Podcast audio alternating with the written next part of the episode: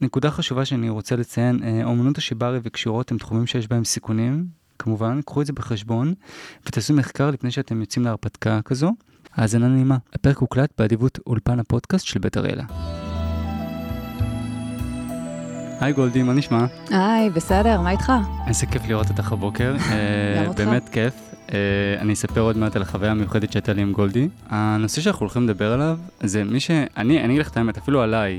אם הייתי שומע את הנושא הזה לפני שבועיים, לא הייתי, לא הייתי, הייתי ממש חושש, לא הייתי חושב על זה, זה לא בשבילי, בלה בלה בלה. תמיד חשבתי שזה לא בשבילי, ואז אני אספר איך הגעתי לזה. אה, וזה איזשהו סיפור שגם סיפרתי באחד הפודקאסטים, הפרקים האחרים. היינו בדיוק באיזשהו מפגש אה, טיול טבע כזה, ואחד מהחבר'ה, שלא כל כך הסתדרתי איתו את האמת, מהמם. הוא, היה לו תגובות כאילו לא נעימות מדי פעם, אבל זה לא משנה. אוקיי. מה, ש, מה שהיה כן מיוחד מהמשברון הקטן הזה, שזה איזשהו לקח לחיים, שמכל סיטואציה אפילו לא נעימה, יש, יש דברים טובים שאנחנו אפילו לפעמים לא מודעים לזה, ואני ידעתי שהדבר הטוב שיצא ממנו זה שיבארי. מהמם. כי הבחור הזה דיבר על שיבארי בכזו passion וכזו תשוקה, שאמרתי לעצמי, אוקיי, כנראה שיש שם משהו שאני לא מודע אליו. הוא סיפר על זה כמה זה שחרר אותו, ואנחנו בפודקאסט הזה בעצם רוצים אה, כמה שיותר חוויות והרגלים, להשתחרר אולי קצת מהתודעה, להשתחרר מהמוח. ואני מרגיש שהחוויה שעשיתי איתך נתנה לי את זה. הגעתי לתובנות קצת עמוקות יותר, פתאום הרגשתי שלווה, את יודעת, לפעמים אתה עושה מסאז' או איזשהו משהו, לא קרה לי הרבה זמן שאני הגעתי לשלווה כמו שהגעתי בסשן. האחרון, ממש. וואו, וזה לזכותך. תודה. אז באותו מפגש, הוא סיפר על זה בכזה passion, והוא עוד אמר משהו מאוד מעניין, הוא אומר, אתה יודע, בחברה שלנו יש הרבה אה, טבואים, טאבו, נכון. ו, ופתאום ש, פתאום אמרתי, טוב, בוא ננסה את העניין הזה, והוא ניסה את זה, ואז הוא אמר, וואלה, יש פה עולם מלא שאפשר לחקור, ואולי יש עוד מוסכמיות שאפשר לשבור, וזה היה משהו מאוד מעניין בעיניי, מהמם. ומאוד התחברתי לזה, ואני, אחד שהוא ביישן, סאחי, כל מה שתרצי וזה, החלטתי שאני הולך לעשות את זה גם כן. כאילו, הולך לדבר על זה ול... ו... לחקור את זה. כי מה שקורה, אני חושב שזה באמת משחרר, אה, משחרר ממש, מרגיע. אתה מגיע לתובנות עמוקות, אבל זה בעצם גם פותח אותך. אתה הופך אה, קצת אולי יותר בוגר, אתה לא כזה חושש מהעולם. אה, אמרת להשתחרר מתודעה. זה לא בדיוק להשתחרר מתודעה, זה להש- להשתחרר מדפוסים. שגדלנו עליהם וחונכנו על פיהם. הרי תמיד הפחידו אותנו שהרע זה רע והטוב זה טוב, וזה לא תמיד צריך להיות ככה. לפעמים צריך לנסות גם וגם, ויכול להיות שדווקא דברים מסוימים שעד היום הם היו באמת אה, טבואים, כמו שקראת לזה, אז באמת אה, הם יכולים אה, להעצים ולהעשיר בעין את, את עולמך. אז ה- החשוב להדגיש, זה לא שחרור מתודעה, זה שחרור מדפוסים שגדלנו עליהם, כדי להגיע לתודעה עצמית, שאנחנו בסופו של דבר אה, יכולים לעשות דברים שהם אך ורק טובים בשבילנו, מבלי לפגוע באחר. אז זה לגבי זה. מדהים. אמ, לגבי מה ש... בוא, כן. בואי אולי באמת ננסה קודם כל להסביר למי שמאזין מה אנחנו מדברים, על מה אנחנו מדברים, על שיברי. מה קורה פה? כן, בדיוק. בואי תסבירי. מה קשור? כן, לא, כי אני רציתי קודם כל לפתוח קצת את העניינים, אבל אני מרגיש שעכשיו זה זמן טוב אולי באמת לדבר מה זה שיברי. נכון. אז ככה, למעשה שיברי, אני אתחיל בפירוש המילולי הפשוט. ביפנית זה שיברו, אגב, אה, זה בעצם לקשור. אוקיי? זה לאו דווקא לעשות את מה שאתה ואני אה, עשינו אה, לפני כמה ימים, או שאני עושה במקצועי לאנשים אחרים. זה אומר לקשור כל דבר, זה אומר לקשור שרוכים של נעליים, לקשור אה, מטפחת לראש, לקשור משהו אה, לעץ. פשוט הפעולה עצמה, קשירה. יש מילה נוספת, נרדפת למילה שיברי, והיא נקראת קינבקו. קינבקו זה אומר כביל, כבילה הדו, הדוקה יותר. to tie tighter. מהמם. והמושג אה, קינבקו, אף על פי שהן מילים נרדפות והן אה, מדברות על אה, אותו דבר, יחסית הקינבקו יותר מתייחס לפן האירוטי. או הסאבמיסיב, או אה, היפני המסורתי יותר של, אה, של, הפ, של הפעילות הזאת. אה, קצת היסטוריה. מה שקורה, למעשה התחום הזה הוא... רגע, מקור- מה זה? קודם כל בוא בוא נסביר מה זה. זה פשוט לקשור. קשירות. אנחנו כן. מדברים פה בעצם על לקשור בן אדם כשהעיניים בעצם מכוסות, נכון? לא, לא, לא, זה, רגע. מה שאנחנו עשינו זה שונה לחלוטין. אה, רצית, לכן רציתי להיכנס להיסטוריה כדי להגיד לך איך הדברים התגלגלו. אוקיי. אני רוצה אבל לספר כאילו לאנשים מה, מה חווינו ביחד ומה כן. בעצם, מה הסשן, על מה אנחנו מדברים בעצם, ועל מה אותו בחור מהמם. סיפר לי באותו מפגש. למעשה בן מהמם. אדם שקושרים אותו, כן. אה, העיניים מכוסות, הוא יכול לעשות את זה עם בגדים. לא חייב, אגב, שהעיניים יהיו מכוסות, לא אבל חייב. זה לבחירתו, כן. מהמם. הבג... יש בגדים, אין בגדים. מהמם. אה, הרבה אנשים הולכים ישר לקונוטציות מאוד אה, אירוטיות ומיניות, אבל זה שזה יכול... יכול לקרות. זה יכול לקרות, אבל זה, זה יכול לקרות, זה גם לא יכול לקרות. זה כאילו. לא מחייב. זה לא מחייב, בדיוק. אז זהו, אז פה רק רציתי ש... שמי שמאזין יהיה איתנו, ועכשיו בואי תמשיכי את ההיסטוריה, מהמם. כן. אז ככה, uh, המקור שבעצם הפעולה הזאת, או התחום הזה, הוא מגיע בעצם מיפן, uh, התקופה הפאודלית שלו. Uh, כשלמעשה, העניין הזה של קשירות, הוא בא uh, לשני מטרות. הוא בא למטרת uh, קבילה, או תפיסה של אנשים, שאם היה צריך להעמיד אותם לבית משפט, אז שהם לא יברחו. אוי, סקסי. תלוי למי, הם ככה לא כל אה, כך אה, חשבו ככה. אני צוחק, אנחנו בדיוק מדברים על משהו שהוא מאוד אינטימי וזה, ופתאום אה, מדברים איתי על בתי כלא. כן, תראה, בסופו של דבר, ואני אני אדגיש את זה כנראה כמה פעמים ברעיון, התחום הזה של שיברי, אנחנו לא יכולים לשכוח שהתחום הזה בא מתחום העינויים. וזה גם המטרה השנייה שלשמה זה בא, זה בא למטרת עינוי. זה לא בא למטרה של כיף ופאן ואסקפיזם, כמו שלמעשה קצת פיתחנו אותו היום במערב, אלא זה באמת משהו ש... זה לא היה כבוד להיקשר. אני אתן לך דוגמה מאוד פשוטה. נניח אתה בא, יוצא מהבית, פתאום אתה רואה שוטרים, והם עוסקים באזיקים את השכן שלך ומובילים אותו החוצה. אתה לא תחשוב, יואו, איזה כיף לו, אזיקים. אוי, משפיל. בדיוק, זה, זה משפיל, אתה ישר uh, קופץ לך לראש הדימויים האלה של, וואו, מעניין מה הוא עשה, הוא בטח פושע, הוא בטח עבר על החוק, הוא בטח עכשיו הולך להיכנס לכלא. אז אותו דבר הקשירות, כאשר הם לקחו אדם וכבלו אותו דרך החבלים, והובילו אותו ככה, אה, או לבית משפט, או לאיזושהי ענישה, בדיוק ככה זה היה היחס אה, ביפן, של אה, השפלה, של בושה, של ביזיון. עכשיו, למעשה, מה ש- מי שבעצם היה אחראי על כל העניין הזה של הטכניקות קשירה, אלה היו הסמוראים. למה אנשים מגיעים אלייך, גולדי, בדרך כלל? למה אנשים מגיעים אליי? אה, כמה סיבות. טוב, אז אה, בגדול, אה, הרוב מדובר בקשירות במסגרת שליטה בתשלום, זאת אומרת במסגרת ה-BDSM, לאו מהמם. דווקא שיברי כשלעצמו, מהמם. אבל כן אנשים מגיעים אליי באמת אה, בגלל שהפורטה שלי הוא באמת תחום השיברי, הקשירות. אז למשל, אנשים מגיעים אליי לשיעורים פרטיים ללמוד. אה, אנשים אה, מגיעים אליי בשביל, אה, כמו שנניח אתה הגעת, בשביל לחוות איזה משהו, כמובן בתיאום ציפיות מלא.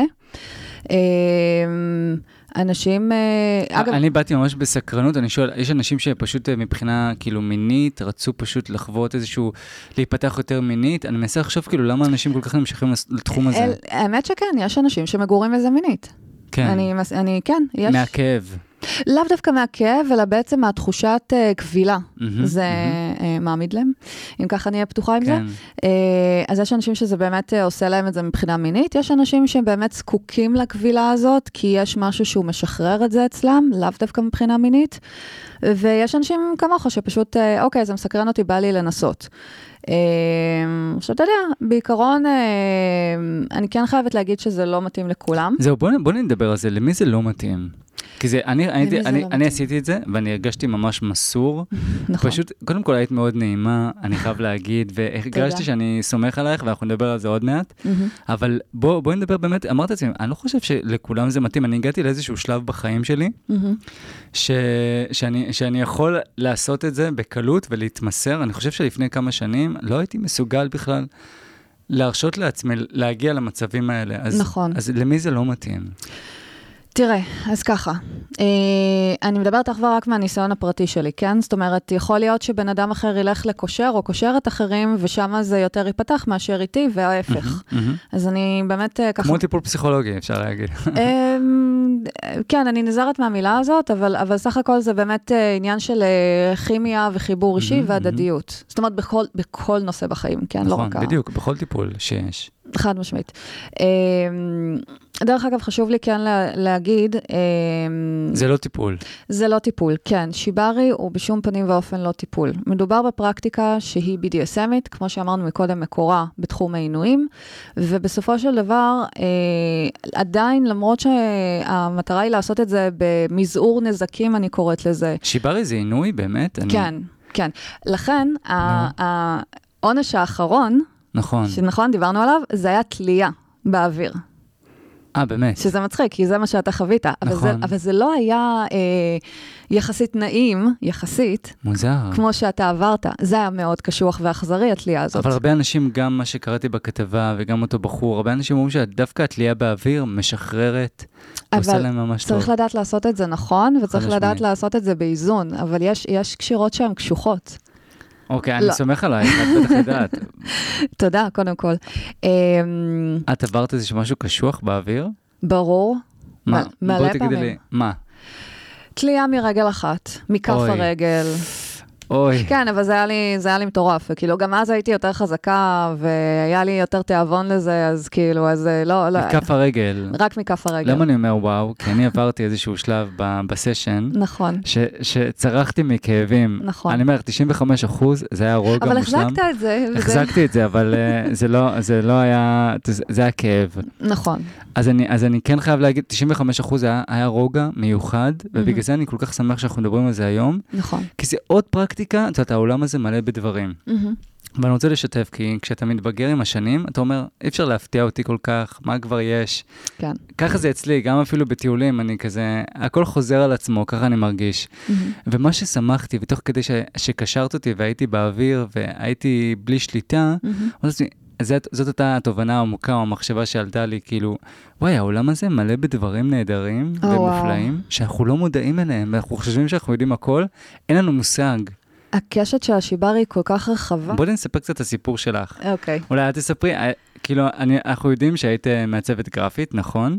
Um, אני מדי פעם מעצבת, אבל כן, לא... לא למדת, ב... זה מה שלמדת? יש לי תואר בזה, ואז, כן. ואז מאוד מעניין, כי הרבה, כי הרבה מאיתנו עושים שינויים, ואת יודעת, mm-hmm. יש איזשהו משברים לפעמים קטנים, שגורמים לך לחשוב, אוקיי, אני לא רוצה להיות איפה שאני, אני רוצה נכון, משהו אחר. נכון. מעניין אותי ממש לדעת מה עבר עלייך, כאילו. בשמחה, באהבה.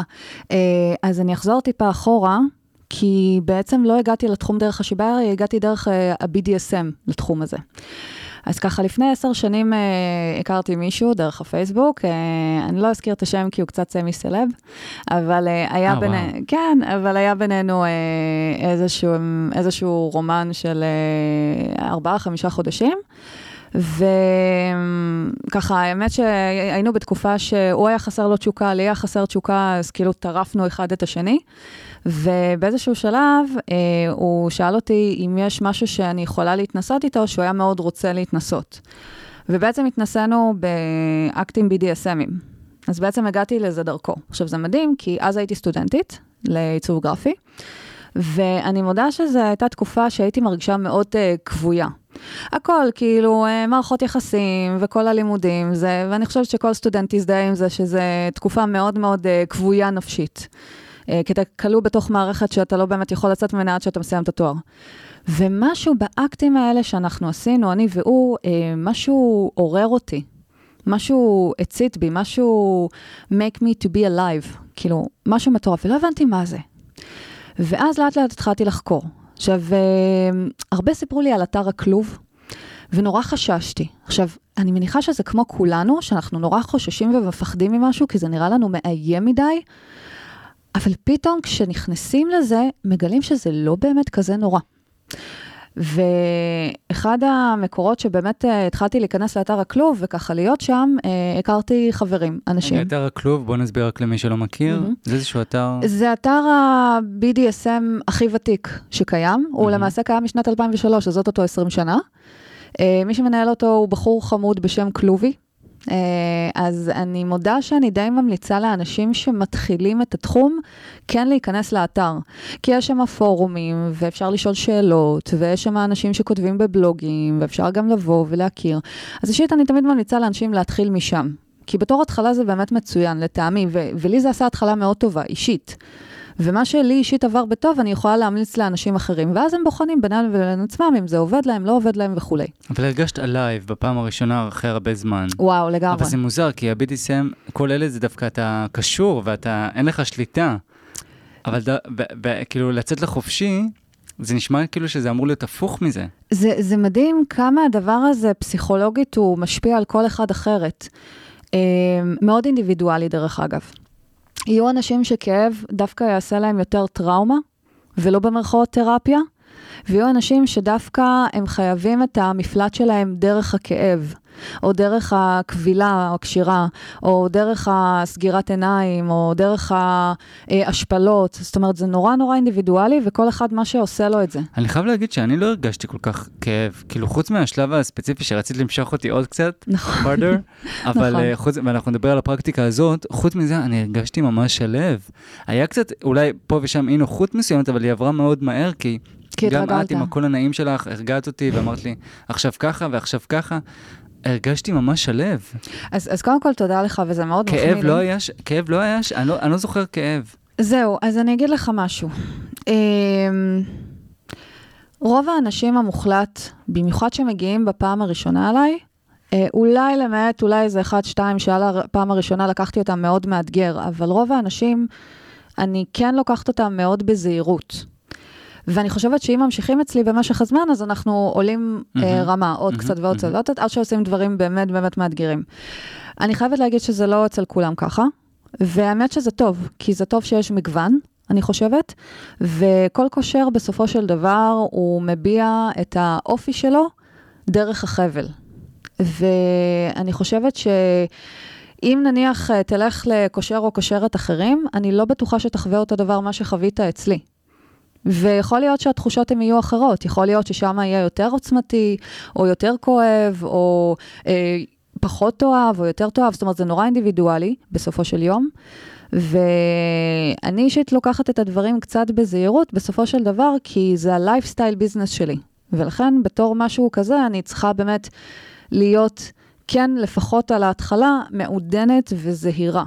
ואז בהמשך, כשממשיכים אצלי, תמיד אנחנו יכולים לדבר על איך אפשר להתקדם עם זה. דרך אגב, יש אנשים שגם לא מעוניינים להתקדם עם זה, וזה סבבה לגמרי. מהמם. יש אנשים שמעוניינים להישאר באותו level, והיו לי כאלה, וזה אחלה, כי זה מה שמתאים להם. מהמם. והיו אנשים אחרים שדווקא רצו שאני אקח אותם הכי קשוח בעולם. אם אתה זוכר שהיית אצלי בבית, ראית אצלי איורים מדהימים, נכון. שבחור בשם אלי אה, עשה למעני. הוא למשל עשה את הקשירות הכי קשוחות אצלי. הכי קשוחות. וזה היה מדהים, כי זה בן אדם שהוא לכאורה, לכאורה אני אומרת, אה, הוא לא מודל מטריאל, זאת אומרת, הוא לא איזה מודלית קטנה, יפנית 40 קילו, אה, גמישה, שאפשר לעשות איתה מהמם. דברים, אלא זה בחור אה, כבד, 105 קילו, אה, לא הכי גמיש בעולם, לא הכי קל בעולם, אבל הוא עשה את הדברים המטורפים, וזה וואו. הכל בסופו של דבר בראש. חד משמעית, הכל בראש. לא תמיד זה הגוף, זאת אומרת, זה, זה בונוס כשיש את היכולות הפיזיות. אבל יחד עם זאת, אם אדם, וזה גם מתקשר אליך, אה, וזה גם מתקשר לשאלה הקודמת של מי אולי לא מתאים לדבר הזה, או אולי עדיף שלא. זה לא כל כך מתאים לאנשים שלא יודעים לשחרר. כי בסופו של דבר, אם אדם יתחיל להילחם בחבל, קודם כל החבל ינצח אותו. חבל תמיד מנצח בסוף. המטרה היא בסוף היא לשקוע לתוך החבל, to sink into it. ואדם שהוא לא מסכים לבוא ולהתמסר ולשקוע לתוך החבל, הוא יותר יסבול מאשר אה, יקבל איזושהי קבלה ותחושת הנאה. אז אה, זה דבר ראשון. ו- לא, זה מדהים מה שאמרת עכשיו, אני, אני חייב כאילו עכשיו לעשות איזשהו, אני רוצה שכל מי שמאזין, את יודעת, אנחנו מדברים על זה במלא פרקים, כאילו עשינו פרק על אקט, acceptance, commitment therapy, ודיברנו על ביירון קטי וכל מיני כאלה, נכון, ביירון קאטי. בדיוק, וכולם מדברים על זה שכשאתה נלחם במציאות, אתה סובל. נכון. יש מלחמה. כאילו, יש דברים שאתה צריך, שהם, אין, אין לך שליטה עליהם, ואתה פשוט צריך להשתחרר. יפה. ואני חושב שאולי, את יודעת, אני- עברתי כמה דברים, מהמם. ואני חושב שבאמת הבנתי, כאילו, כמו למשל. אני לא אשכח את זה, שבהתחלה כבר קשרתי את הידיים שלי צמוד לחזה. נכון. וכבר כאילו, אתה יודע, אתה רגיל לנשום דרך הריאות. נכון. ואני, ואני הרגשתי איזשהו לחץ, ואז את ראית, את ישר כאילו זיהית שזה היה מקסים ונהדר. תודה. כאילו, את הבנת ישר כאילו שהבן אדם מרגיש קצת אי נוחות, ואז לימדת אותי באמת לנשום מהפה. ובכלל זה... מהבטן. מהבטן, סליחה. בקטן. מאיפה אמרתי? מה- מהפה. לא, כן. לא, לא, לא נושמים מהפה, נושמים רק מהאף. בכלל הייתי, הייתי מאוד רגוע. ונשמתי מהפה, ובכלל היה גם מאוד שיח איתי ועם הגוף. אמרתי, רק בן אדם שיכול לשחרר, או בן אדם שכאילו... אני הרגשתי שהיה מאוד דיבור ביני לבין הגוף שלי, והרגשתי ש... נכון. ואת עזרת לי מאוד עם הדיבור הזה, את, את כיוונת אותי, כאילו, את גם אמרת לי, תקשיב, עכשיו זה יהיה קצת לא נוח, אבל שנייה אני מסדרת אותך, או כל מיני כאלה. אה, אבל רציתי להגיד משהו חשוב, כן, מה שאמרת. אני ידעתי שאם אני אלחם יותר, את יודעת, פתאום אני אשתגע עם הריאות, או לא יודע מה, ואני אנשום עכשיו ואנסה כאילו לשבור את ה... זה לא יעבוד, ואני אסבול ואני אבקש להפסיק. עלולים ואני... גם להיכנס ללחץ מזה, וזה לא רעיון טוב. נכון. נכון. זה חשוב מאוד להיות רגועים, אנחנו נדבר על זה גם, אבל בואי תמשיכי באמת. אמ, אז בסופו של דבר, אפרופו, בהמשך לדברים שאתה אמרת, הדברים הם מאוד טובים וחכמים, בסופו של דבר צריך באמת אה, להיות רגועים בתוך החבל. זה לא אומר לא להגיד משהו אם לא, מרגישים לא נוח. הרי חלק מהעניין הזה, זה חייב להיות תקשורת. זה עוד משהו שחייבים לעשות. זאת אומרת, אם אדם לא יתקשר עם הקושר, ולא יגיד לו מה מפריע לו באותו רגע, ואפשר לסדר את זה. רוב הדברים אפשר לסדר אותם בקלות. הכי הרבה משהו לא מסתדר, מורידים למטה, במידה וזה תלייה, או פורמים את החבל במידה ומדובר בקשירה על הקרקע. הכל בסדר. אבל הכי הכי חשוב זה לתקשר את הדברים האלה. אה, דבר נוסף, גם מאוד חשוב, אה, חייבים להיות סאחים בעניין של כן, הקשירות. זה ממש מצחיק. את כן. אמרת לי כאילו משהו, משהו ממש יפה, אני אפילו רוצה לצטט את זה, איך זה היה? Mm. אנשים באים סאחי בלי אלכוהול ובלי עישון. לא אלכוהול, לא חומרים משני תודעה, לא סמים, לא כלום, לא תרופות, לא כלום. תראה, אם זה תרופות שמצילות חיים, אז כן, חייב להגיע, אה, אבל תרופות יותר פסיכיאטריות, או תרופות אה, משנות תודעה, או סמים משני תודעה, זה דווקא עלול יותר להפריע מאשר להועיל. אה, אני אשמח להסביר מדוע. מה שקורה, בעצם הקשירה כשלעצמה, הרי אה, הגוף אה, מבין שיש פה איזשהו אקשן, והוא מפריש את האנדורפינים שלו ואת האדרנלין.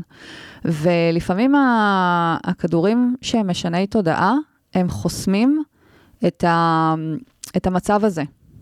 ולא נותנים לבן אדם באמת להשתחרר ולהיכנס לתוך space. space, הכוונה היא אה, בתחום ה-BDSM לריחוף, לאיזשהו אה, שלווה כזאת, אה, כאילו מרגישים שבן אדם מרחף באוויר, כאילו בתחושה, ולא תמיד הכדורים המשני תודעה מגיעים לשם. גם האלכוהול הוא מפריע.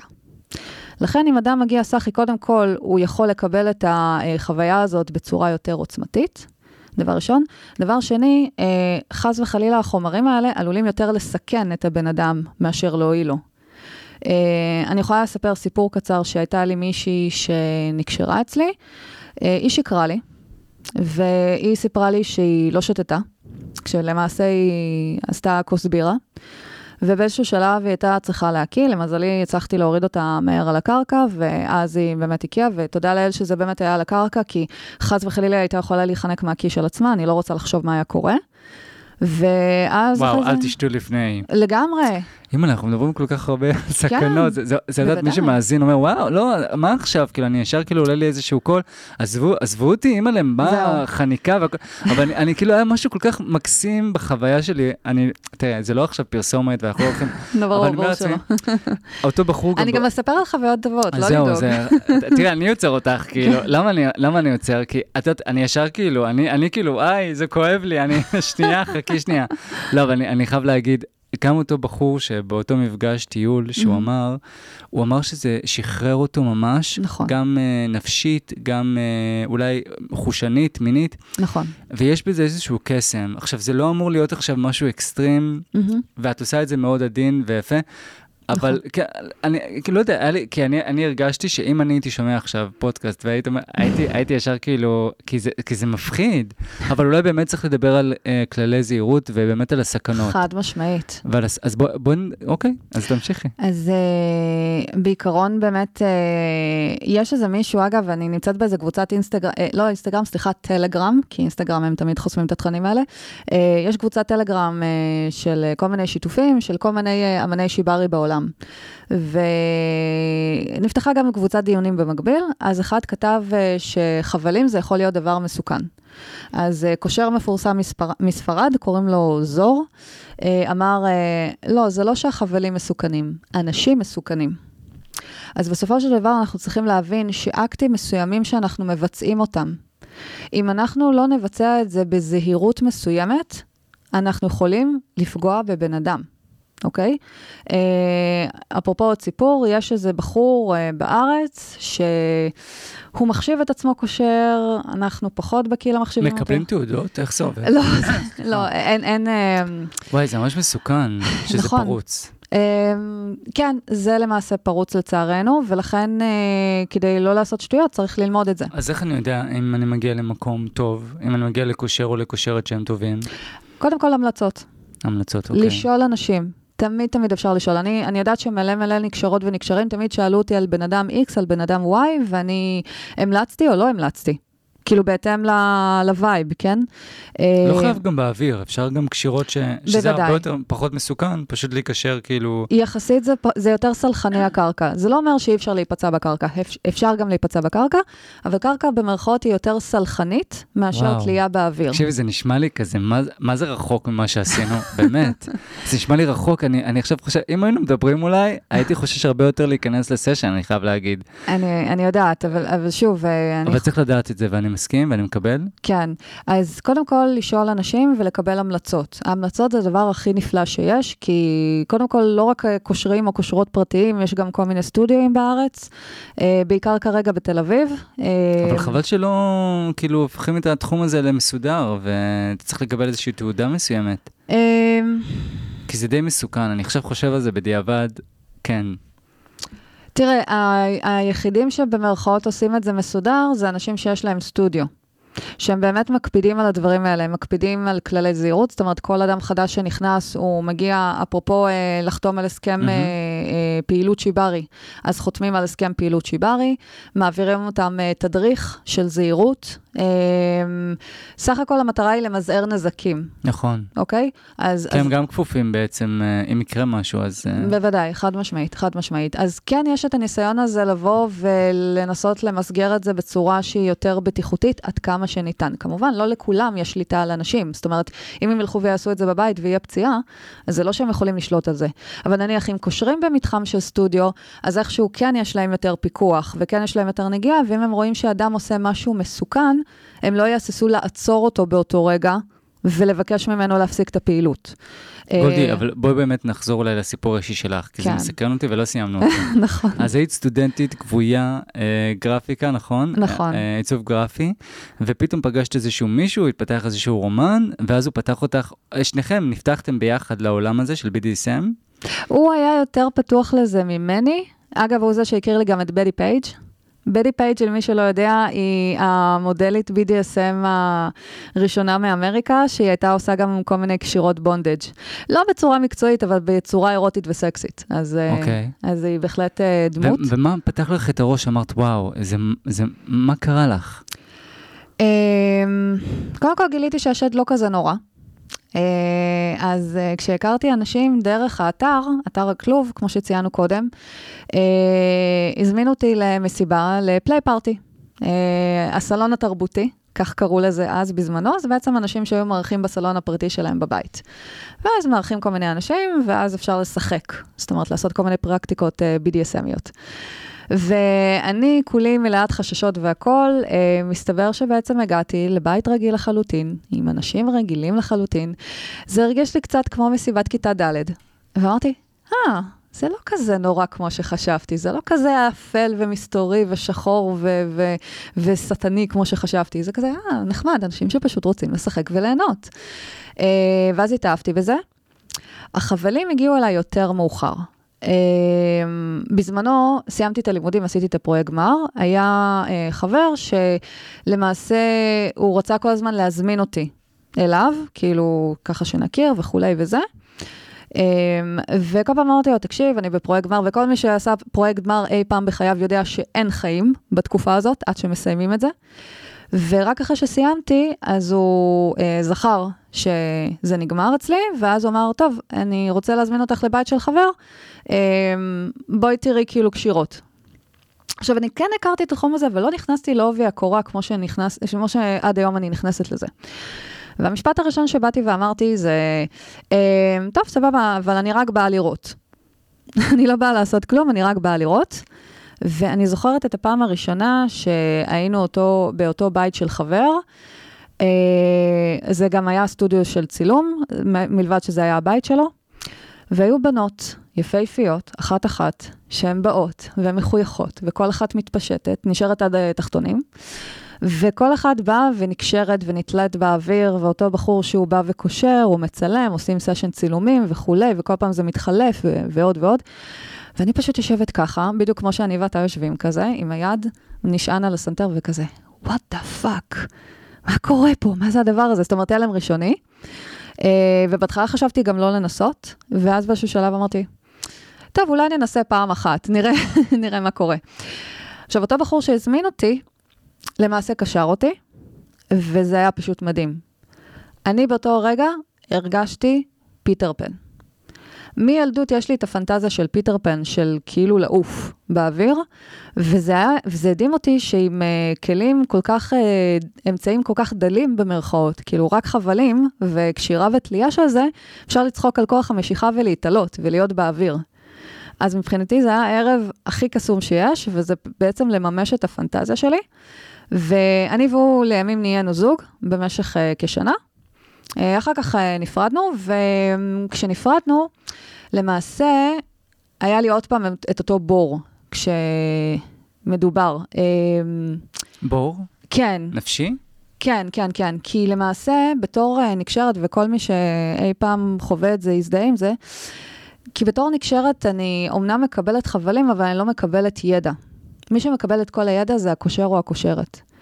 ברגע שקושר וקושרת הולכים, הנקשר או הנקשרת נשארים כאילו לבד, כי אין להם את הידע איך לעשות את זה, אפילו לעצמם. ואני זוכרת שגרתי אז אצל חברה טובה, והייתי שלושה ימים כאילו בבית במיטה, סוג של דיכאון כזה, סוג של... אה, וואו, יותר מהפרידה או יותר מזה שאיבדת את השולט שלה? חשבתי שאף אחד בחיים לא יקשור אותי, וואו. והוא הקושר הכי טוב, שלא משנה, גיליתי איך איזה קושרים טובים, אבל לא חשוב. ובקיצור, הייתי זה מאוד... כן חשוב להגיד, כן, שיש אה, אה, תחליפים, אבל כן. לא. לא, לא, יודע, לא יודעת אם לקרוא לזה תחפ- תחליפים, בסוף, אה, בסוף מוצאים את האנשים הנכונים שמובילים אותך לזה. אה, אני חושבת שככה שלושה ימים הייתי בעצב ותסכול רב, זה, זה המונח המדויק. ואז ביום הרביעי קמתי, ואמרתי לעצמי, עכשיו, תבינו, המשפט הזה הוא תמיד טוב, אה, הוא תמיד מסמן אותך לטובות. אמרתי, כוס עמק, אוקיי? אמ, אני אלמד לקשור ולתלות את עצמי, ואני לא צריכה אף אחד. ככה התחלתי ללמוד לקשור. וואי, מדהים. כן. מהמשבר הזה, מהמשבר הזה. יואו, ואם הייתם ביחד היום, כנראה שלא לא היית יודעת לקשור כמו שאת יודעת לקשור היום. יכול להיות שאולי קצת הייתי עושה, אבל לא. הייתי, לא הייתי מגיעה לרמות הגבוהות שתודה לאל אני מגיעה מדהים. היום. כן. ואני חייבת להגיד שבהמשך הגעתי לרמות יותר גבוהות בזכות הפרטנר שלי. יש לי נקשר שהוא מלווה אותי שנים על גבי שנים, קוראים לו דניאל רופ, זה הכינוי שלו, וזה בחור שהוא באמת העלה אותי לרמות גבוהות של קשירה. Uh, ואין ספק שהיינו בהרבה סדנאות והיינו בהרבה הופעות בחו"ל, ואני גם חייבת לו תודה כחלק מהדרך שלי. אני גם חייבת תודה לאותו קושר, שאגב, דרכו בעצם התחלתי את כל הדבר הזה, אין ספק. אז, אז כל אדם באשר הוא, uh, בסוף נותן את הטביעת אצבע שלו, את הדריסת רגל שלו בהמשך לה, להתפתחות שלך. אז אני מודה על כל הדברים האלה, חד משמעית. לרע ולטוב. אמ, זה סיפור סופר חשוב, אנחנו לפעמים, את יודעת, יש לנו משברים וכאלה, ואנחנו לא יודעים, אבל הכל בונה אותנו, אבל זה נחמד ויפה להגיד את זה עכשיו, משברים בונים אותנו, אבל כן. זה, זה לא קל כשיש לך. אה, נכון, ובסוף שעוברים ומסתכלים אחורה זה כזה, וואי, איזה מזל שזה קרה לי, תודה שזה קרה לי. ההודיה של זה הוא גם חלק מאוד חשוב. כן, לא... את מודעה לשלושה ימים האלה שישבת בכאב שלך, כן, כן, זה היה חשוב. זה בנה אותך למי שאת היום. לגמרי, חד משמעית, מהמם. חד משמעית. אז הייתה תקופה שבאמת קשרתי ותליתי את עצמי, וגם הייתי הולכת למועדונים בשביל פליי פארטי, בשביל לבוא ולעשות את זה. ואנשים היו מתרשמים, וואי, איזה יופי, היא תולה וקושרת את עצמה והיא עושה עם עצמה.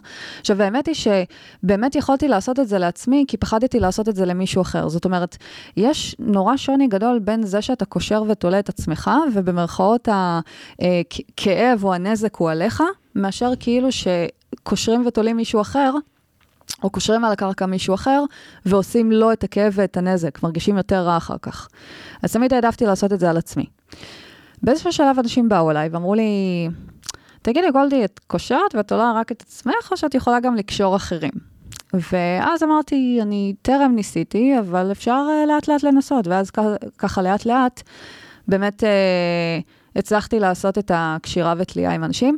אני חייבת להגיד שהפעם הראשונה שתליתי בן אדם, הידיים שלי רעדו, וואו. הי- כמו פרקינסון, כאילו פשוט רעדתי. וואו. באמת, אה, פיק ברכיים מטורף. ואז כשמורידים את זה ו- ורואים שהכל בסדר, והבן אדם לא נפצע והכל סבבה וכזה, איזה מזל. אה, אז איך לומדים את זה? פשוט ממסיבה למסיבה, ממפגש למפגש? ככה אנשים בדרך כלל לומדים את הקשירות האלה? זהו, תראה, יש כמה דרכים ללמוד. אה, כיום, בניגוד לאז, אנחנו מדברים מלפני עשר שנים, התחום לא היה כל כך מפותח. היום יש סטודיואים שאפשר לגשת אליהם וללמוד. יש גם שיעורים פרטיים, למשל אני מעבירה שיעורים פרטיים שאפשר ללמוד אחד על אחד. יש את היתרונות והחסרונות של כל דבר. אה, בסטודיו זה יותר למידה בקבוצות, זה למידה פחות אינטימית, אבל מן הסתם המחיר כניסה הוא יותר זול וזה ליותר שעות. אה, למידה באופן פרטי, אז כל אדם לומד לפי היכולות שלו ולפי קצב ההתקדמות שלו. הוא גם לומד את הדברים הקטנים שלא ממש יעבדו איתך ויקדישו לך בקבוצה שלמה.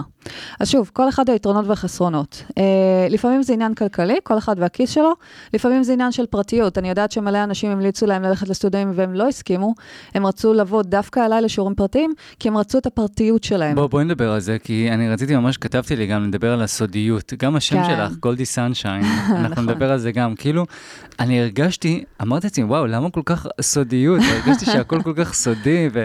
כן. כי אני, גם, גם בשיחות בינינו, מהמם. אז יש את ה... את יודעת, לפעמים אה, וואטסאפ, אז אולי אה, הודעות שנמחקות אחרי תקופה, או... כן. והרגשתי, אבל אני אגיד לך, אפילו אני אספר, אשתף אותך סיפור, אחרי הסשן, את יודעת, היה כמה תמונות, מהמם. ואמרתי, את יודעת, אה, כאילו, אחי, תראי כמה תמים אני, כאילו, אמרתי, שלחתי לאחי, והראיתי לו, הנה, כאילו, אתה יודע, הייתי עם תחתונים, בוא, כאילו, אני הולך לבריכות. היית אה, קשור. בסדר, אבל לא הרג... הרגשתי שזו הייתה חוויה כל כך טובה, שאין לי במה להתבייש, או... זהו, ובא לך לשתף את זה, בא לך ובא לי לשתף, להתגאות. וזה היה כאילו, היה לי משהו נחמד מאוד, ואז אמרתי, טוב, אני אשתף את זה בקבוצה של, המשפחה. ואז אחי עצר אותי, לא, אתה לא, כאילו... האמת שהוא זה- צודק, זה לא מתאים, אבל הוא אמרת, צודק. גם, כאילו, את יודעת, לא, הרגשתי, גם, בשביל מה? למה כל אני אגיד לך? מה עשית עכשיו, זה קצת כמו להראות להם איך אתה עושה סקס במיטה. עד כדי כך, כן. באמת? כן, כן. וואי, יש אה, אסכולות, דרך אגב, אנחנו גם נדבר על האסכולות, שזה מאוד מאוד חשוב. אה, יש אסכולה, למשל, נגיד ברוסיה, אם בן אדם קושר בן אדם אחר, זה כאילו עשה איתו סקס. חד משמעית. אה, באמת? כאילו אנחנו עשינו סקס בעצם העובדה שקשרתי אותך, אני לא אף על מרגיש פי... שעשיתי סקס. נכון, אני נכון, מרגיש- נכון. אבל תבין שבתרבויות אחרות. מבחינת אנשים, ברגע שקשרת מישהו, או מישהו קשר אותך, אתם קיימתם יחסים. וואו, נכון. מוזר. נכון? אבל זה עוד איזשהו אה, דפוס, או נכון. משהו שיכול להיות שהוא שגוי, ויכול להיות ש... אה, לא, לא הייתי אומרת שגוי, אני חושבת שזה עניין של תרבויות. ולכן אני אשמח שנייה רק דקה להיכנס לתוך העניין הזה של האסכולות, או של הריואים. ריואים זה כאילו סטייל, סגנון של קשירות. אוקיי, אוקיי. אז ככה, יש את הריו היפני המסורתי, שזה יותר דגש על להחזיר עטרה ליושנה, שזה למעשה לקחת את הקשירות לא בצורה fun ואקרובטית, אלא באמת לקחת את זה לעולם העינויים ולעולם ההשפלה. יש דבר כזה שנקרא אה, אצל היפנים היופי שבסבל. זאת אומרת, שרואים מישהי שהיא סובלת והיא בוכה והיא מתענה, יש בזה איזשהו יופי, יש בזה איזושהי חינניות, שהשיער שלה... מזעזע. לא הייתי זה אומרת, עכשיו תראה. האסכולות שקיימות ב- במדינות שונות? זה מה שאנחנו מדברים עליו? כן, האסכולה. ש- מה שקיים כיום, כאילו, איך משתמשים בקשירות היום. כן, יש כל מיני אסכולות ויש כל מיני מצבים. אני תכף גם נפרט על מה שאתה ואני עשינו. אוקיי. אה, והמטרה היא באמת, כמו שאמרתי, זה להחזיר עטרה, ליושנה, שבעצם לקחת את השיברי ב- בכיוון היפני יותר.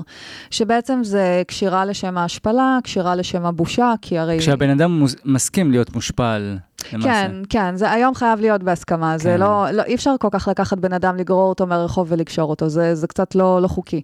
אז זה באמת דברים שנעשים בהסכמה, אבל הכוונה היא בעצם היא לקחת את הבן אדם לאזור ההשפלה שלו, לאזור הכאב, ומעבר. אני חייב להבין למה אנשים רוצים להגיע למצבים כאלה, גם, כי גם הם רוצים לפני שדיבר- להרגיש. כי הם רוצים להרגיש. יש אנשים שלא מרגישים כלום. וואו. והדבר, יודעת- כן, והדבר הזה פשוט מכניס אותם לתוך איזשהו אה, חוויה שרוב הפעמים הם לא מרגישים אותם. וואו, אמרת את זה כל כך יפה, גולדי. מהמם. התשובה כל כך פשוטה וכל כך נכונה, ואני ממש מתחבר פשוט להרגיש. כן, אתה לפעמים צריך להגיע למצבי קיצון כאלה בשביל ממש בדיוק, להרגיש, וואו. בדיוק. איזה עצוב זה. אה, לא, לא, לא עצוב, אבל כאילו... תראה, זה- אני, אני, ברשותך, אני אספר סיפור קצר. מצוין, אני הכי אוהב כן. סיפורים, כן. Um, הייתה בחורה מקסימה, שהייתי בפסטיבל, uh, זאת אומרת, הייתה תקופה שיצאתי הרבה לפסטיבל בברלין, זה נקרא יוריקס, uh, זה פסטיבל של שבוע שלם של קשירות, שגם לומדים וגם פוגשים אנשים וגם עושים ג'אמים, חלום uh, מדהים לכל חובבי השיברי, גן עדן. והייתה בחורה מקסימה שאני זוכרת שהייתה רצה מקושר לקושר לקושר לקושר, בסדר, עניינה. ובסוף הפסטיבל היא הגיעה אליי והיא ביקשה שאני אקשור אותה.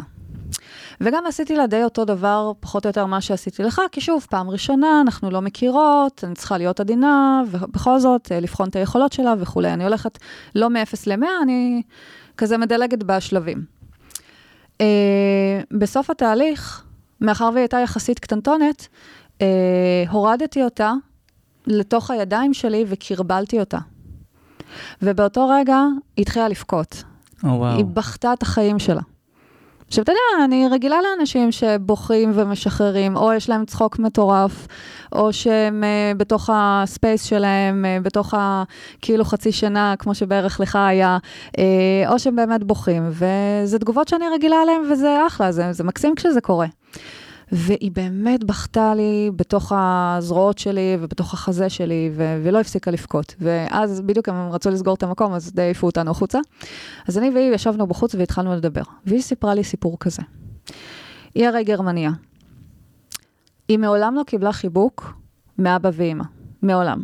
וההורים שלה התגרשו כשהיא הייתה בת עשר, ובחרו שהיא תהיה אצל האבא. וגרמנים, אבא מאוד יקי, מאוד uh, קשוח, uh, ברמת ה... Uh, מחנכים אותם כאילו להתרגל לקור. זאת אומרת, זה יחשל אותך. כן, זה, זה חינוך של גרמנים. והיא טענה שפתאום הדבר הזה, שבאתי ולקחתי אותה וקרבלתי אותה כמו אימא, זה, פתאום היא קיבלה משהו שהיא לא קיבלה כל כך הרבה שנים, וזה כאילו פרץ לה את הסכר של הדמעות ואת הלב, כאילו זה נורא ריגש אותה, שחיבקתי אותה ככה, ואנחנו זרות, אנחנו לא מכירות, זה כולה, היי, שלום, את יכולה לקשור אותי? כן, סבבה, בואי. אמ, אז, אז זה היה מדהים בעיניי. והדבר הזה לפעמים הוא בא מתוך חוסר. לעתים, אגב, אם אנחנו טיפה מדברים פסיכולוגיה, אני אגב לא פסיכולוגית, אני מצהירה על זה, זה רק איכשהו הבעה מניסיון אישי שלי. אמ, לפעמים חבלים זה קצת כמו חיבוק. באיזשהו מקום. לפעמים חבלים אה, עוטף את הבן אדם, ואז הוא מרגיש שהוא זקוק למשהו שיעטוף אותו, כי הוא לא באמת קיבל חיבוק מאנשים ב- ש- שגידלו אותו. אה, עכשיו, באמת אי אפשר להאשים אף אחד, כל אחד גדל אחרת, כל אחד גדל בתרבות מסוימת. יש אנשים שגדלים בתרבות מאוד פתוחה וליברלית, כמו אירופאים, יש אנשים שגדלים בתוך התרבות של הבושה והטבואים, כמו ביפן למשל. יש אנשים שגדלים בתרבות שהיא מאוד uh, קשוחה, כמו סובייטים. כאילו שהם מאוד כזה, תהיי קשוחה ותהיי חזקה ואל תראי חולשה וכולי. Uh, יש את התרבות האמריקאית, ששם הם בכלל מעודנים ואסור להתעסק איתם, אבל כל דבר זה משהו אחר. אני חייבת להגיד שישראל היא יחסית uh, יותר מוצאת את עצמה בתרבות האירופאית. זאת אומרת, מצד אחד שהכל uh, בטוח, שפוי ובהסכמה, אבל מצד שני דברים יכולים להיות ריק. R-A-C-K. כאילו reckless. זאת אומרת, אממ. זאת אומרת, לפעמים דברים אה, יכולים להשתבש וצריך לקחת בחשבון, אבל המטרה היא למזער נזקים. זאת אומרת, יכולים לקרות תאונות, אבל זה לא תאונות ש... אבל הם פתוחים מאוד בישראל, את אומרת, כן? כן. כמו אירופאים? כן, ישראל יחסית היא קרובה לאירופאים מבחינת ה mind של וואו, תמיד חשבתי שארצות הברית ההשפעה שלה הרבה יותר uh, חזקה, אמריקאים. אבל זה נושא אחר, זה לא מעניין, אוקיי. נכון, נכון. אז בסופו של דבר, אפרופו, מה שדיברנו על תחושות, יהיו אנשים שבאמת זקוקים לחבלים, כי הם זקוקים להרגיש משהו, גם אם זה כאב. משהו מוביל אותם לעוצמות שהם בדרך כלל לא מקבלים ביום-יום או לא קיבלו בבית.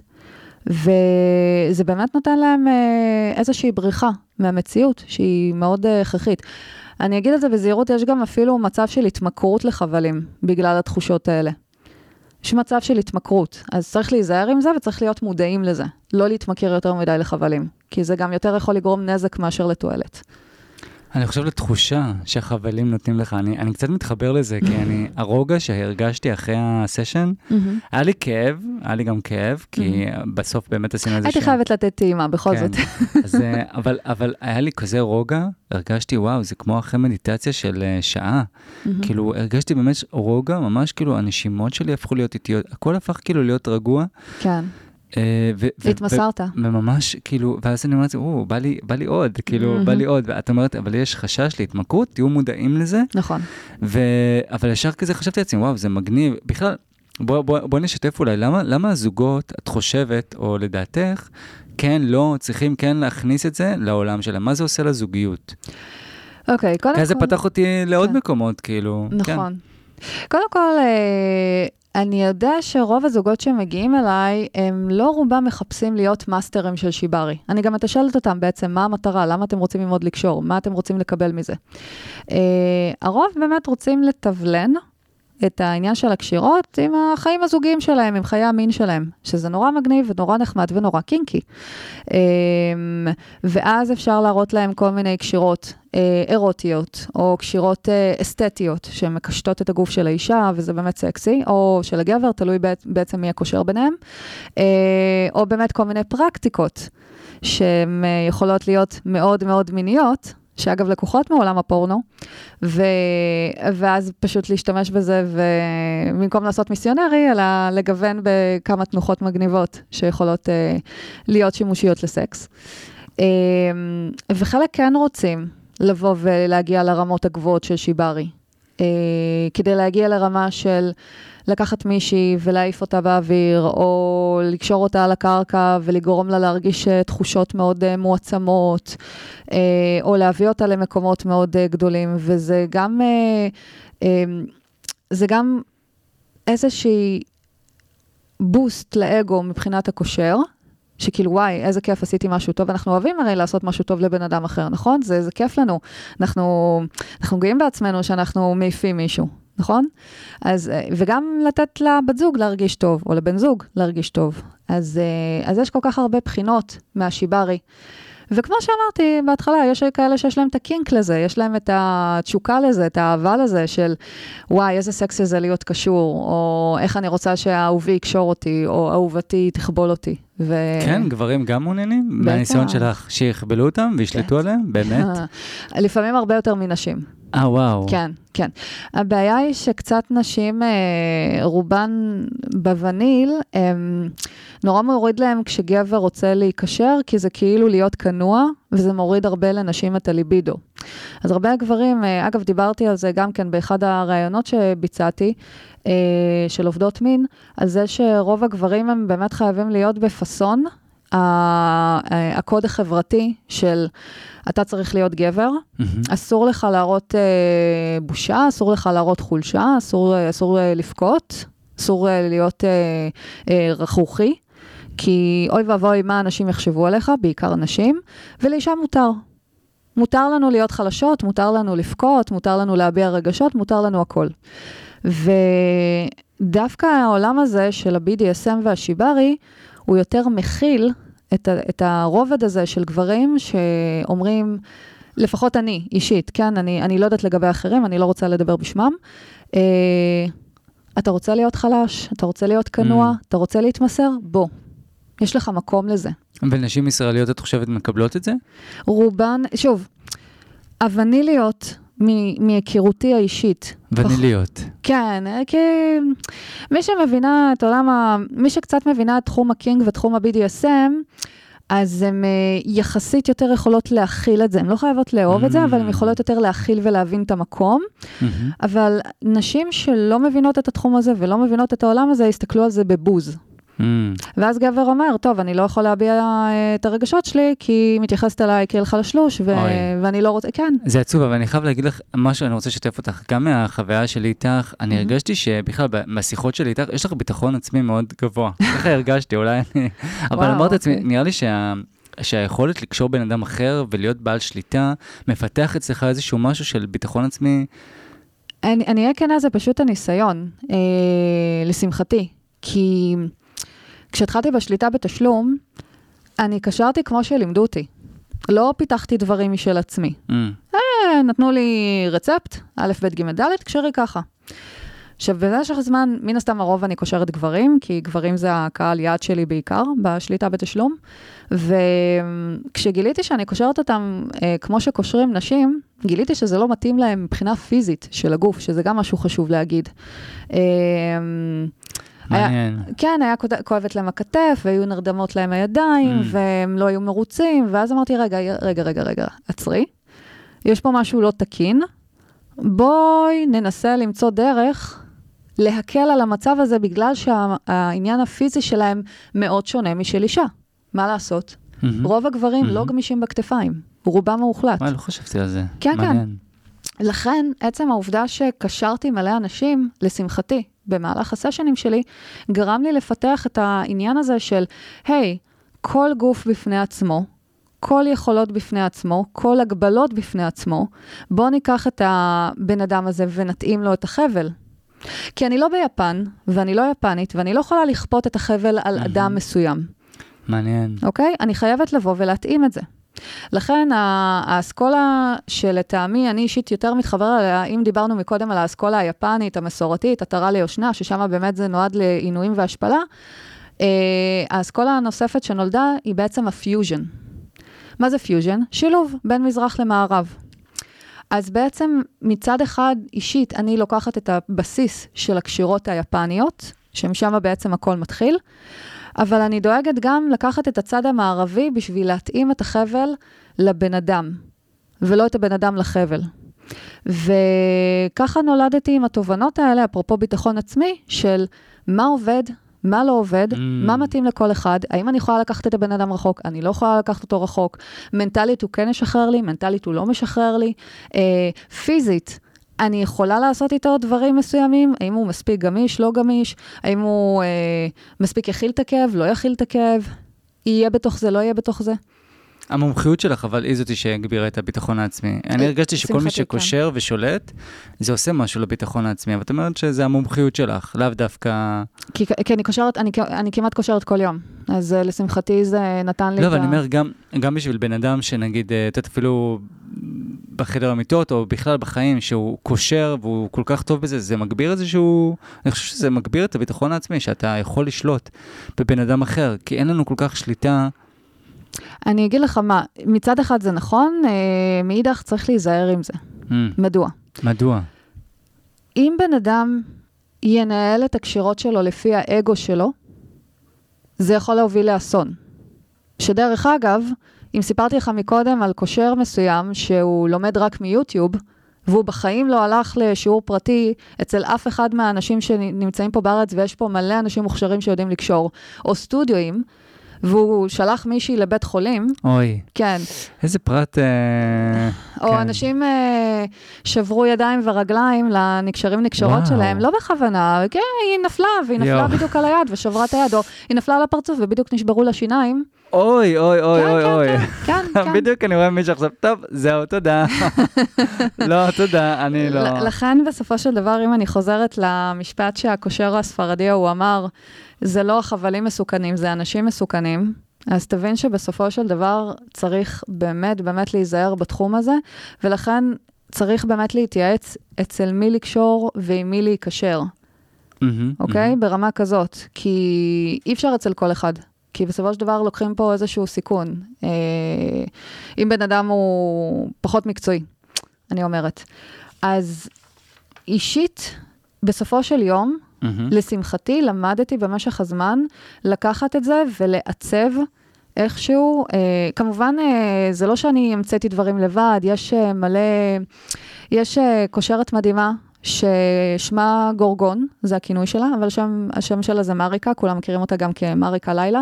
אני מאוד אוהבת אותה, אני מעריצה אותה, היא השראה בשבילי. אחת הקושרות הכי מדהימות אי פעם שהכרתי, גם אני מכירה אותה באופן אישי. ישראלית? לא, לא, היא צרפתייה. אממ, אוקיי. אוקיי. אגב, היא הייתה פעם נשואה לאסף אבידן. אה, וואו. כן, והם התגרשו אחרי ארבעה חודשים, אבל אה, זה כבר משהו 아, אחר. כן. לא ידעתי שהוא, כן. אה, יש לה נגיעה ישראלית, אבל אה, לשעבר. אה, אבל היא כל כך מדהימה, והמציאה כל כך הרבה קשירות שהן פיוז'ן, שהן מצד אחד יפניות, אבל מצד שני מתאימות לגוף המערבי.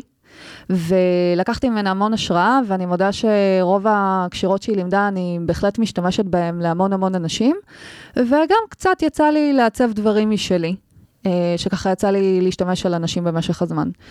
אז המיומנות הזאת היא באמת, לשמחתי, תוך כדי אימון ואמון של אנשים כלפיי ושלי כלפיהם.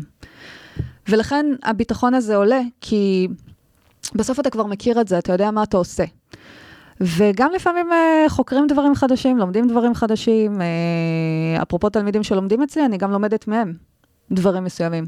לפעמים הם מראים לי איזה משהו שאני למשל לא הכרתי או לא ידעתי, ואז אני אומרת, אה, איזה יופי, זה חדש, תודה שהראת לי את זה, כי עכשיו אני יודעת mm-hmm. שזה קיים. Mm-hmm. Uh, אז תמיד יש ממי ללמוד, ולכן אגו זה משהו שחייב להוריד אותו.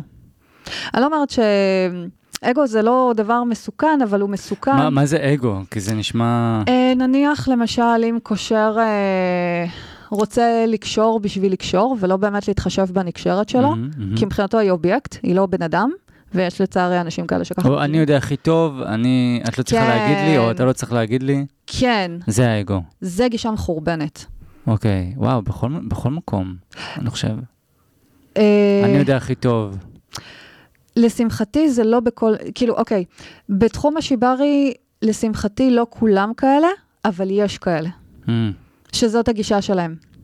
מה את אומרת לי מה לעשות, אני יודע הכי טוב. כן, oh, זה, wow. כן זה אמור לכאוב, כאילו משהו מסוים שהוא לא אמור לכאוב, הוא אומר כן, או שלמשל היא מבקשת להוריד, אוקיי? נניח אנחנו mm-hmm, mm-hmm. להוריד, להתיר, mm-hmm. להפסיק, mm-hmm. לסיים. לא, לא, לא, הנה, רק שנייה, רק שנייה, עכשיו אני אעשה את זה. לא, לא, לא, לא, שנייה, שנייה, שנייה, תני לי, תני לי, תני לי. אבל היא אמרה שתשחרר אותה. וואו. אז תשחרר. ולפעמים יש אנשים שמחזיקים את האגו בקטע של לא, אני חייב לעשות את זה, ואז זה יכול לגרום לנזק. או, או, אני רוצה להקריא איזשהו ציטוט יפה. מהכתבה של אה, אופיר סרגסקי, כן? סגרסקי. שעשתה גם כן סשן אצלך. המהממת, כן. חולה עליה. כן. אני חייב להגיד משהו יפה שאני מרגיש מאוד חיבור אליו, כי כל התופעה הזאת של האיברים קשורים אחד לשני, צמודים, אתה צמוד לידיים שלך והכול, mm-hmm. ואין לך שליטה והעיניים מכוסות. נכון. אתה, יש איזשהו משהו מיוחד בחוויה הזאת, באמת. כן. גם יש את המוזיקה הנהדרת שברקע. דרך אגב, זה מעניין אותי לדעת למה בחרת דווקא בלנה דל ריי, כן? אבל אנחנו נדבר, רגע, שנייה, אנחנו נדבר על זה. לפני זה אני רוצה להקריא את הציטוט המקסים של, אה, של אופיר. עוד מינקות יש לנו לבני האדם צורך להגדיר את הגוף שלנו, לתחום את גבולותיו, להרגיש את הנפרדות שלו. סוג העונג הזה היכה בי במלוא העוצמה. החבל מועך אותי מכל הכיוונים, ומאיר כל אחד מאיבריי לחיים. הוא מדגיש את הפיזיות שלי, מבליט אותה, מפאר אותה, ובתוך כך מסיר ממני כל אחריות לפעולה ומחשבה. אני רפויה ופשוטה כמו גולם שנהנה למתוח את הלילה טרם הפיכתו לפרפר. הרגשתי, הרגשתי, קודם כל זה היה מקסים. כזאת משוררת כן. המהממת הזאת. אני, אני מרגיש שיש איזושהי חוויית שחרור, משהו, משהו, כי אנחנו לא דיברנו על זה מספיק, אבל, אבל כן אני, אני, אני חייב להגיד mm. שכשאתה קשור ואין לך יכולת, אני חושב בכלל בחיים האלה אנחנו לא מבינים את זה, אבל זה, זה, זה מישהו יפה אמר לי, כי אנחנו חושבים שיש לנו שליטה, אין לנו באמת שליטה, נכון. ולפעמים ההפסקה הזאת פתאום כזה ביום או בשבוע, פתאום יש לך את הרגע הזה שאתה בלי שליטה, mm-hmm. שאתה פשוט כזה רפוי ונותן כאילו לכל מה שיבוא, יבוא. נכון. זאת יש את הגורואים הגדולים האלה שהם כל הזמן רגועים מאוד, והם שלווים, ואתה לא תתפוס אותם כאילו מתעצבנים, וגם הדיבור שלהם. לא משנה, כל, וכל שאלה שתביא להם, mm-hmm.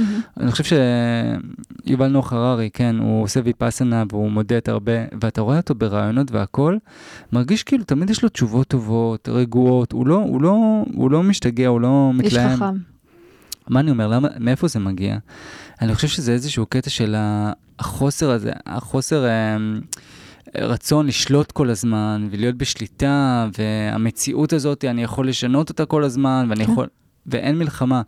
ככה אני הרגשתי בסשן. כן, אז, מה דעתך? אז, אז אין ספק ש... וגם זה משהו שאמרתי באחד הכתבות שראיינו אותי, אמ, כשהגוף אה, כבול וקשור, משהו ב mind משתחרר, משהו במוח באמת מרפה. ואני חושבת, אה, שוב, אני לא פסיכולוגית במקצועי, אני רק מדברת מאיזשהו ניסיון אישי שלי. אמ, משהו כאילו בזה שקושרים בן אדם או קושרים אותך, אז כאילו סוג של מסיר עליך אחריות, שאתה לא יכול לעשות שום דבר, וזה נורא מקל על אנשים. של כאילו, קחי את המושכות, קחי את השליטה, אין לי על זה כלום, אני עכשיו רפוי ונח, והמוח באמת עושה את שלו ומשחרר דברים. אז, אז גם אם אתה היית רוצה להילחם בזה, ואגב, דיברנו על זה שהתנגדות זה סבל, אז אין אופציה. פשוט אין אופציה, כי בסופו של דבר, פשוט תן לזה להיות. ולפעמים אנשים, בהתחלה קצת קשה להם, אני מודה, האנשים קצת לפעמים קפוצים אצלי, כי הם לא, לא יכולים לשחרר, כי לא לימדו אותם לשחרר, לימדו אותם כל הזמן, אתה חייב להיות בשליטה, אתה חייב להיות ב control, אתה חייב, אתה חייב, אתה חייב, ופתאום אומרים להם, רגע, תנשמו שנייה, שחררו את זה לתוך זה. ואז פתאום הם נהיים לאט לאט, כמו שאמרת, רפויים, רגועים, ופתאום זה כזה, וואי, רגע, זה נעים לי, זה נעים לי על לשחרר שליטה על זה. זה נעים לי שאני לא צריך להחליט כלום. זה נעים לי שמישהו עושה משהו למעני, ואני רפוי לתוך זה. ופתאום מגלים את הקסם שבזה. אז, אז זה פותח את הראש.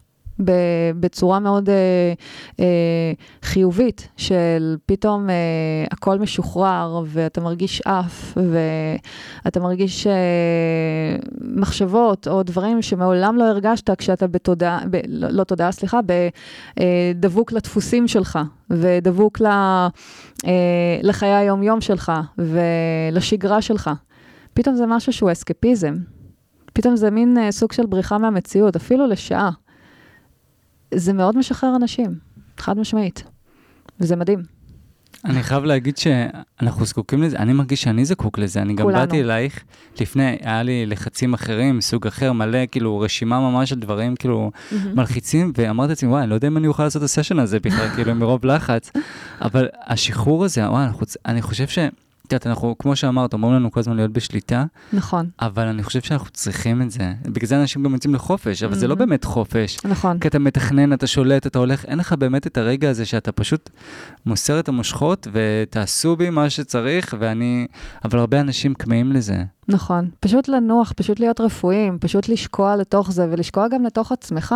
לא להתעסק במסביב. ממש. Uh, זה אגב הסיבה ספציפית שאני עושה את העניין של הכיסוי עיניים. משהו בכיסוי עיניים מנטרל את חוש הראייה וגורם לאנשים להתכנס לתוך עצמם. הרבה פעמים כשלא יכולתי לשים כיסוי עיניים, כי האדם ביקש שלא, ואני מכבדת את הבקשות, תמיד שמתי לב שהוא מסתכל מסביב, איך אני קושרת, מה אני עושה, פתאום מסתכל על התמונות בחדר, אה, איזה יופי, פה ושם, למה? עזוב, תתעסק בעצמך. ממש, אימא'לה, אני... עזוב, זה בשבילך, תתעסק בעצמך. חד משמעית, כן. כיסוי עיניים, כאילו, אם לא היה ברור, ממש, כאילו, כן. את יודעת, זה כמו... זה כמו, אני אספר, סמים פסיכידליים, פטריות למשל. נכון. כאילו, יש, יש, יש קטע שאנחנו, שעכשיו עושים, כאילו, מכסים את העיניים, mm-hmm. ושמים איזושהי מוזיקה תרפית, ואז כאילו, תוך כדי, כאילו, אתה בתוך החוויה שלך. נכון. ואני חושב שיש הבדל עצום, תחשבי שאת הולכת לאיזשהו פארק, mm-hmm. ויש את כל העצים ואת הטבע, ואתה מתלהב, אבל כש, כשאתה, יש לך את הכיסוי עיניים, אתה מתמקד בפנים, נכון. אתה יורד פנימה. גולדי, אה, אני חייב להגיד, אנחנו כבר עברנו, ואני חייב להגיד שהיה לי מקסים איתך, ואני חושב שפה זה הרגע המצוין לסיים. אוקיי. כי סיימנו את זה ממש יפה. תודה. ויש איזושהי תחושת קסם, שאני רוצה שאולי המאזינים ייקחו את זה למקומות אה, נוספים. אה, התחושת שחרור הזאת, היה לי מקסים והיה לי נהדר. איך היה לך? היה לי גם, האמת היה לי קצר מדי, אולי נעשה פרק ב'. אולי, אולי. אולי, כן. עכשיו, את יודעת, יש שאלה שאני תמיד שואל את המאזינים שלי לאחרונה, ואני אשמח לשאול גם אותך. בכיף. יש לך איזושהי רוטינה מיוחדת, מה, מה את עושה לך בחיי היום-יום, mm-hmm. שממש כאילו עוזר לך לגוף ולנפש? לאחרונה חזרתי ליוגה באחד מהחדרי כושר, mm-hmm. וזה ממש ממש עושה לי כיף לגוף, ושכחתי כמה יוגה זה דבר נהדר, אז יוגה מומלץ. אמ, אישית גם קצת חזרתי יותר לספורט, אז בספורט יש גם משהו משחרר, אבל, אבל לא, לא, לא חייב ספורט קשוח. כאילו, אל, אל תהרגו את עצמכם מבחינת גוף, תעשו רק מה שכיף, תתנסו בדברים, אבל תראו מה מתאים לכם ומה לא, כי לא כל הסוגי ספורט מתאימים. ו... ולנוח, איך, איך הם קוראים לזה בספרד? ויפאסנה, נכון? כאילו, איך, השנץ שיש בספרד, שהם ישנים בין 2 ל-4, איך זה נקרא? וואי, שכחתי. כן, גם אני שכחתי, יש לזה שם. יש לזה שם, יאללה, טוב, אנחנו בטח נזכר אחרי השידור. סריס? סליסטה? סיאסטה. סיאסטה. סיאסטה. אז סיאסטה, אם אפשר לישון צהריים סיאסטה, זה... אה, באמת? כן. אנחנו דיברנו באחד הפרקים על פאוור נאפ, שאני אני ממליץ בחום, אבל זה אמור להיות בין, uh, זה אמור להיות 27 דקות מקסימום, כאילו לוקח לך 7 דקות ל- להירדם, נכון. אבל 20 דקות, ואני חושב שזה ממש קריטי לזכור את העניין הזה, כי נכון, לפעמים אתה יכול לישון כאילו שעה, שעתיים, נכון. ואז כאילו הלילה נהרס לך, וכשזה נכון. 20 דקות, 27 דקות, זה מדויק, וזה... אז, אז אז, איזה יופי. אז הכוונה לזה, כן. איזה פאוור נאפ, איזה יופי. נכון. אוקיי, מעולה.